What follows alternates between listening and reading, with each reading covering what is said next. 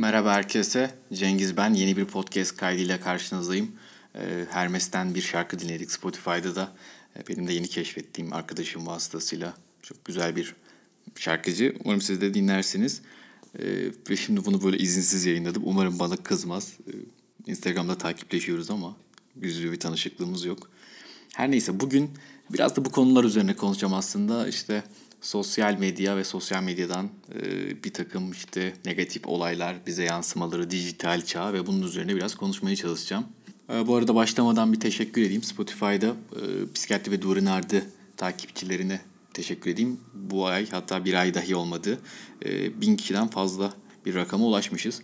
Bu podcast gibi çok e, az ve işte çok sofistike bir e, dinleyici kitlesi olan bir yer için benim için en azından çok güzel rakamlar. E, ben paylaşıyorum Twitter'ımda ve Instagram'ımda.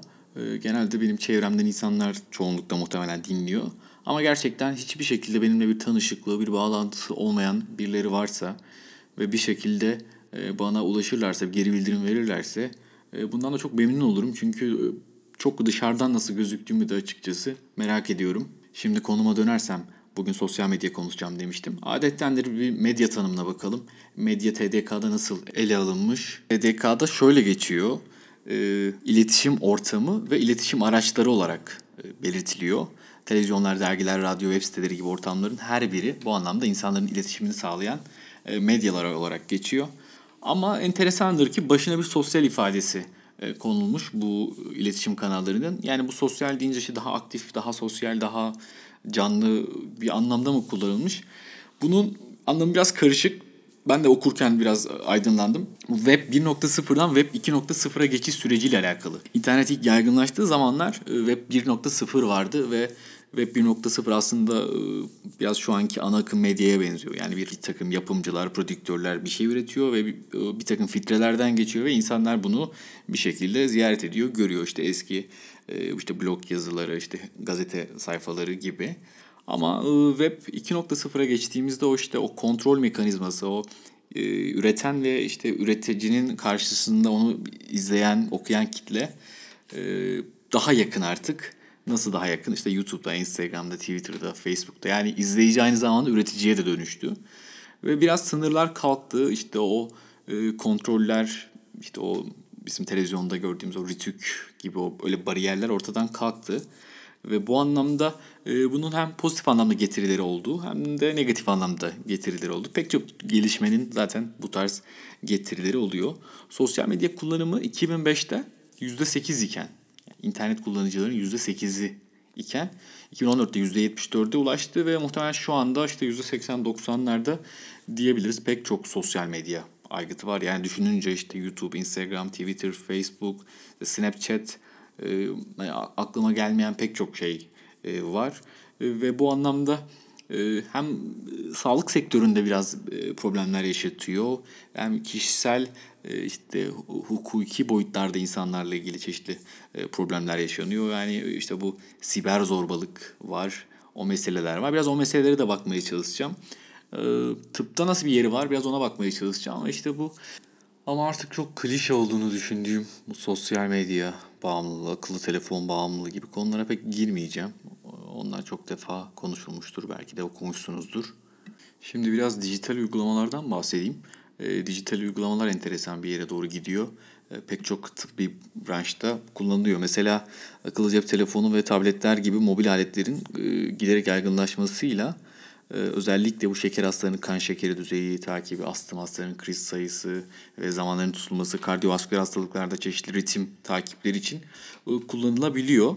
E, psikiyatride şöyle bir şey var. Artık e, özellikle çeşitli epizodik ya da dalgalanmalarla seyreden hastalıkların daha e, nesnel takibin olsun diye yani hep öznel deneyimleri soruyoruz biz hastalara ama bir şekilde bunu daha verileri daha net bir şekilde görme adına son yıllarda hastanın kişisel bilgisayarlarında ya da mesaj özelliği olan cep telefonlarını ya da akıllı telefonlarını kullanarak kendisiyle ilgili soruları yanıtladığı uygulamaların duygu durum bozukluğu olan bireylerin uzun dönemli günlük izleme açısından ucuz ve e, kullanım kolaylığı açısından faydalanabileceği e, söyleniyor. Bunu Falrut Jepsen arkadaşlar 2018'deki makalelerinde söylüyorlar. Tabii faydalarının yanında bir takım e, ne yazık ki negatif etkileri de var. Pek çok psikiyatristin, pek çok doktorun da e, ne yazık ki bununla yüzleşmek zorunda kalma gerçeği mevcut. Özellikle sosyal medyadan çok fazla şiddet içerikli mesajlar, tehditler, küfürler ne yazık ki pek çok sağlık çalışanının başının belası diyebiliriz. Yani şöyle şiddet her zaman kötü, her zaman olumsuz istemediğimiz bir şey ama şiddet öyle bir şey ki masraflı da bir şey bir yandan. Yani birisine e, şiddet göstermek için e, bir takım riskleri göze almak gerekiyor. İşte bir takım anları kovalamak gerekiyor. Ama sosyal medya pek öyle değil açıkçası. Yani e, özellikle siber şiddet hem maliyet açısından ucuz hem işte e, mobil bir şey, kolay bir şey. Her an aklınıza gelen her şeyi söyleyebileceğiniz karşınızdakine defalarca kez işte mesaj atabileceğiniz, pek çok yerden onu sıkıştırabileceğiniz bir mecra ve ucuz, bedava internetiniz varsa. Ve çoğu zaman e, sosyal medyadan gelen şeylerin e, siber suçlarda takibi biraz e, zor oluyor. Çünkü bununla ilgili çok fazla dosya olduğunu söylüyor siber suçlarda çalışan polisler. E, bununla ilgili yeterli hukuki altyapının olmadığını söylüyorlar. Ve bu bağlamda açıkçası biraz zorlanıyor. E, özellikle sağlık çalışanları çok da bu alanda haşır neşir olmayınca ee, şöyle bir şey olabilir yani e, bu negatif durumu nasıl avantaja çeviririz diye ben düşündüğümde yani oradan gelen e, şiddet, tehdit mesajlarının hani görmezden gelme bir tarafa keşke tabii görmesek ama onları bir sinyal olarak bir e, fiziksel şiddetin bir prediktör olarak görüp belki de kendimizi o grup hastalardan koruma adına bir avantaja çevirebiliriz. Bunun dışında hastalar inanılmaz bir şekilde e, hekimleriyle, doktorlarıyla, işte sağlık çalışanlarıyla iletişim kurma isteğini güdüyorlar ve e, sağlık öyle bir şey ki insanın e, her zaman işte bir e, yeşil pasaportu gibi. Yani benim işte ruhsal bir problemim var, ben e, konuşmak istiyorum. Ya da benim fiziksel bir rahatsızlığım var, konuşmak istiyorum. O, şu, o anda sen mesaide misin, uyuyor musun, tatilde misin? Bu önemli değil. Sonuçta benim bir rahatsızlığım var ve sen doktorsan, senin yeminin varsa sen bana bakmak zorundasın. Nasıl bana bakarsın? İşte ben e, acil servise gelirim işte ben geldim diye sana Instagram'dan mesaj atarım. İşte şuraya giderim Facebook'tan mesaj atarım. Ee, ya telefon vermeyi, telefon numarası vermekten falan bahsetmiyorum bile zaten. Yani telefon verme işine girdiyseniz zaten orada profesyonelliği epey sorgulamak lazım. Bu bahsettiğim e, sosyal medya araçları hani hastalarınızla arkadaş olmadan da size ulaşabilecekleri yerler. Bu yüzden bahsediyorum. Yine e, arkadaş olmakla ilgili pek çok makale var. E, hani bununla ilgili herkesin kendi takdiri. Ben e, kimsenin kişisel kullanımına bir şey diyemeyeceğim ama bununla ilgili pek çok öneri var. Bunlardan birazdan bahsedeceğim. Psikiyatristler için özellikle hastalarla işte transferans, counter transferans geliştiği ben bunu sadece psikiyatrislerde geliştiğini düşünmüyorum açıkçası. Pek çok e, tıbbi branşta bu gelişiyor bence. Onun dışında e, yani aktarım, karşı aktarım. Onun dışında e, eritomanik sahneler, e, psikotik bozukluğu olan hastalarda e, olabilecek bir durum. Yani işte doktorun aşık olma, işte bir şekilde onun da kendine aşık olduğuna inanmak gibi. E, bunlar da açıkçası e, bu süreçlerde zorluyor. Doktorlar e, çok fazla açık seçik e, fotoğrafa, mesaja maruz kalıyor. Bir yandan bunları görürken üzülüyorum açıkçası. Çünkü e, ben profesyonel bir çerçevede bakıp işte kendimce buna dair e, işte frenlemeleri bilen birisiyim ama e, bir yandan düşünüyorum işte bu istismar açık insanlar bu sosyal medyada çeşitli platformlarda ne tarz işte suistimale uğruyordur. Bu beni gerçekten derinden üzen bir şey. Bunun üzerine kafa yormuşluğum bile var. Yani acaba işte bu tarz işte rahatsızlıkları olan belki de muhakemesi bozulmuş olan insanlarla ilgili bir takım önlemler alınabilir mi sosyal medya hesaplarında? Bunu da düşündüm açıkçası. Tabii işte bunun işte insan hakları, hukuki boyutu var. Bunu düşündüğümde kaldı. Şimdi şiddetten bahsedeyim biraz. Yani şiddetin pek çok boyutu olduğunu biliyoruz aslında. Ee, hekime şiddet zaman zaman gündeme geliyor. Belki de yeterince gündeme gelmiyor. Aslında pek çok meslek grubu şiddete uğruyor. Herhalde hekimlerin şiddete uğraması ile ilgili bir paradoks hekimleri e, yer alıyor. Çünkü aslında e, sağlık açısından fayda vermeye çalışan bir grubun sağlıksız ve işte mal fonksiyonu bir hale getirilmesi e, bu anlamda bir paradoks gibi e, düşünülebilir.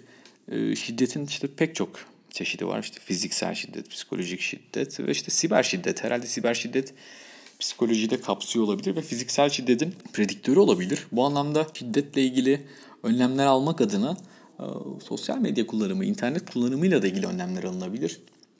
Yani bununla ilgili neler yapılabilir diye baktığımızda eskiden internet bu kadar yaygın değilken, akıllı telefonlar bu kadar yaygın değilken e-mail kullanımı, e-mail kullanımı ön plana çıkan bir iletişim şekliydi. Ancak enteresandır yani e-mail kullanımı bile tartışılır bir hale almış. 2002 yılında Glenn Gabbard'ın yazdığı The Ethics of Email Communication Psychiatry makalesi. Benim ilgimi çeken bir makaleydi çünkü e, bu mesele e, eskiden nasıldı şimdi nasılı düşünme, düşünmek adına iyi bir fikir verdi bana. Yani 2000'li yılların başında da işte e-mail kullanımı ile ilgili çeşitli problemler oluyordu ve şimdi bu biraz daha farklılaştı bir metamorfoza uğradı ve başka türlü sosyal medya hesapları ile ilgili problemler ortaya çıkıyor. Açıkçası çok zorlayan bir şey insanı yani hekimler de gerçekten hastalarına ulaşmak istiyor. Bir şekilde öyle sahneler oluyor ki yani o an o hastayı aramanız bir şey çağırmanız gerekiyor ve e, bunun tek yolu bazen gerçekten işte bir cep telefonu oluyor ve gerçekten e, o anlar ne yazık ki sonrasında e, bir, bir takım negatifliklerle beraber karşınıza çıkabiliyor. Gerçekten böyle anlar yaşanmasın diye olabildiğince profesyonel olmak gerekiyor. Bütün bununla ilgili donanıma sahip bir e, kurumda belki de çalışmak ve ya da kurumunuzda e, bu donanım sahip değilse bu şekilde bir e, donanım için e, çalıştığınız bölgedeki işte amirlerinizle belki de bir iletişime geçmeniz gerekiyor. E, açıkçası anlamak zor bazen sosyal medyayı ve işte orada yapılan yorumları, bir takım e, söylemleri anlamak çok zor. E, avukat bir arkadaşım var. Kendisi e, çok yakın bir arkadaşım. Hem benim avukatım hem de e, çok enteresan bir şekilde Tostçu Erol'un avukatı. Tostçu Erol'u böyle bir ortak yanımız var. İşte coğrafya kader dediğim siz anlayın neden böyle bir alakam olduğunu. E, Tostçu Erol'un işte çok ünlüdür yani YouTube'da şeyde pek çok videosu var. Ve enteresan bir şekilde Tostçu Erol çok fazla e, küfüre ve hakarete maruz kalıyor. Enteresan bir şekilde dediğim yani pek çok insan için küfüre, hakarete maruz kalmak beklenen bir şey değil ama Tosterol böyle sistematik bir şekilde e, pek çok küfre maruz kalıyor. İnsanların bir şekilde böyle e, gücünün yetebileceği ya da işte e, böyle biraz ön plana çıktığında belki de zihinlerinde hak etmediği şöhrete kavuştuklarını düşündüğü kişilere garip bir öfkesi oluşuyor açıkçası. Ve e, arkadaşımla konuştuğumuzda çok fazla e, siber suçla ilgili davaya gittiğini ve e, pek çok davayı kazandıklarını e, ama peşine çok düşmesi gerektiğini ve işte bunun artık bir yandan da profesyonelleştiğini bu anlamda söylüyordu. E, ben de dedim ki yani bu Tosçerol'un bu dikkati e, bir şekilde bu şeyi e, bu diş çıkarması, diş göstermesi, geri adım atmaması. Neden mesela işte çeşitli meslek gruplarına da uygulanmasın? E, bu anlamda e, Ulusal Psikiyatri Kongresi'nde yaptığım sunumda meslektaşlarımı yüreklendirmek adına bu örneği anlattım. Yani dedim ki biz de Tosterol kadar dişimizi gösterebiliriz herhalde. Valla çok fazla daldan dala atladım aslında böyle bir dijital çağ, işte psikiyatri uygulamaları, işte sanal e, siber zorbalıkla ilgili konuşayım derken biraz daha mesleki bir konuşma yaptığımı farkındayım. Belki dinleyen insanlar, e, meslek dışı gruplar sıkılabilir. Ama şunun üzerine de biraz konuşmak istiyorum. Bu ifşa kültürüyle ilgili. Yani şimdi görüyoruz işte bir e, şarkıcının çeşitli mesajlarının ifşa edilmesini ya da çok fazla futbolcunun mesajlarının ifşa edilmesiyle ilgili bir e, olay var. Belki de bir sansasyon yaratma e, arayışı. E, bu anlamda insanların gerçekten karşıdakilerle, karşıdaki insanla güvenli bir şekilde konuşması, diyalog kurması, bir güven tesis etmesi zorla, zorlaşıyor ve Sanmıyorum ki bu mesele sadece sosyal medyayla sınırlı kalsın. Yani sosyal medyada oluşan güvensizlikler muhtemelen e, reel yaşamdaki e, iletişimlere, ilişkilere de yansıyor. Bu anlamda da bir e, negatif bir götürüsü var diyeyim. E, yani peki insan birisini niye ifşa eder? Herhalde biraz adından söz ettirmek için. Herhalde narsistik bir e, patern bu. Peki ifşa edileceğini ya da ifşa edilme ihtimali olan bir insan neden bu duruma düşer ya da niye bunu bile bile bu işe girer. O da libidinal bir şey herhalde. O da insanın belli sahnelerde kendisini durduramadığı işte süper ego süper egosunun egosuna hatta idine kadar indiği anlar olabilir. Ama hangisi açıkçası daha işte hoş değildir diye düşünürsek herhalde ifşa etmek bütün bu süreçlerin e, başında geliyor. Bunun dışında tabii şöyle ifşalar da var. İşte bir şekilde hukuki arayışlarını e, sürdüren ama bir şekilde karşılık bulamayan insanların toplumsal adaleti harekete geçirmek için. Bunu kadın cinayetlerinde ya da kadına şiddetle ilgili meselelerde pek çok kez gördük. E, toplumu e, bu tarz e, durumlarla ilgili bilgilendirmek adına bir ifşa kültürü var. Yani o haklı bulunabilir bir şey mi? O da çok suistimali açık. Yani insanların tabii ki bir adalet arayışı, adalet duygusu çok içten gelen bir duygu. Ama gerçekten kim haklı, kim suçlu? Sosyal medyadan bunu anlamak çok zor. Ve sosyal medya ile ilgili de son olarak şunu söylemek istiyorum. Ee, sosyal medya gerçekten bilginin bir şekilde kirlendiği, yiğidin harman olduğu yer derler ya, bilginin mundar olduğu bir yer. Ee, sosyal medyayı, interneti kınıyorum demeyeceğim. Yani çok fazla getirisi var. Ama gerçekten e, bir challenge. Yani özellikle işte benim mesleğimde bir challenge. İşte internete ilk yazdığınız kelime özellikle benim mesleğimdeki insanlar için genelde eksi sözlük başlıkları oluyor. E, ya da çeşitli kızlarsoruyor.com gibi e, blogların tartıştığı konular oluyor ve ben bir şekilde bu insanlara cevap yetiştirmek zorunda hissediyorum hastalarımla konuşurken. Bu antipsikiyatrinin doğuşunda, gelişiminde, daha doğrusu daha önce doğdu da gelişiminde çok büyük bir rol oynadı. YouTube'da mesela yüzlerce video var işte psikiyatrinin yalanları diye. Ee, yine internette çok şey var. Ee, yani biraz ne aradığınıza bağlı. Yani internette ne ararsanız onu bulursunuz. Ee, bu yüzden yani çok da büyük bir savaşa girmeye, didişmeye gerek olduğunu düşünmüyorum. Ama gerçekten e, bir şeyler öğrenmek istiyorsa insanlar e, herhalde profesyonel sitelere yönlendirmek lazım. Bu her meslek grubu, her meslek odası için. Bunu yapmak e, çok zor çünkü reklam veren çok fazla işte clickbait olan ve işte bundan para kazanan internet siteleri var. Bunun belki de işte devlet kontrolünde diyeceğim. O zaman da işte evet yine o e, otoriter rejim ve işte rejimin baskıcı e, mekanizmaları devreye girebilir. Onunla da ilgili endişelerim var. Yani bilinmez bir yer açıkçası. Yani ben e, hani okuyanlara ne okuduğunu, e, kafasına yatıp yatmadığını, e, herhalde kafasına yatmadığı için bana bunu sorduğunu, e, genelde böyle bir yüzleştirme yaparak yol almaya çalışıyorum. Ama gerçekten e, zor bir mevzu. Şu ana kadar beni dinlediyseniz, sıkılmadıysanız teşekkür ediyorum. Bu kaydı gerçekleştirmek benim için biraz zor oldu. Biraz üşengeçlik yaptım galiba. Ama sonunda bir kayıt yapacak enerjiyi buldum. Ben bu işi sevdiğim için yapıyorum. O yüzden hani bir iş gibi bir görev sorumluluğunda yapmak yerine gerçekten canım istediğinde, keyfim yerinde olduğunda, üzerine konuşacağım, fikir üreteceğim bir şeyler olduğu zamanlarda yapmak istiyorum. Birkaç gün geç kaydettiğim için e, bu anlamda bir açıklama getirmek istedim. Dinleyen herkese teşekkür ederim. İyi günler.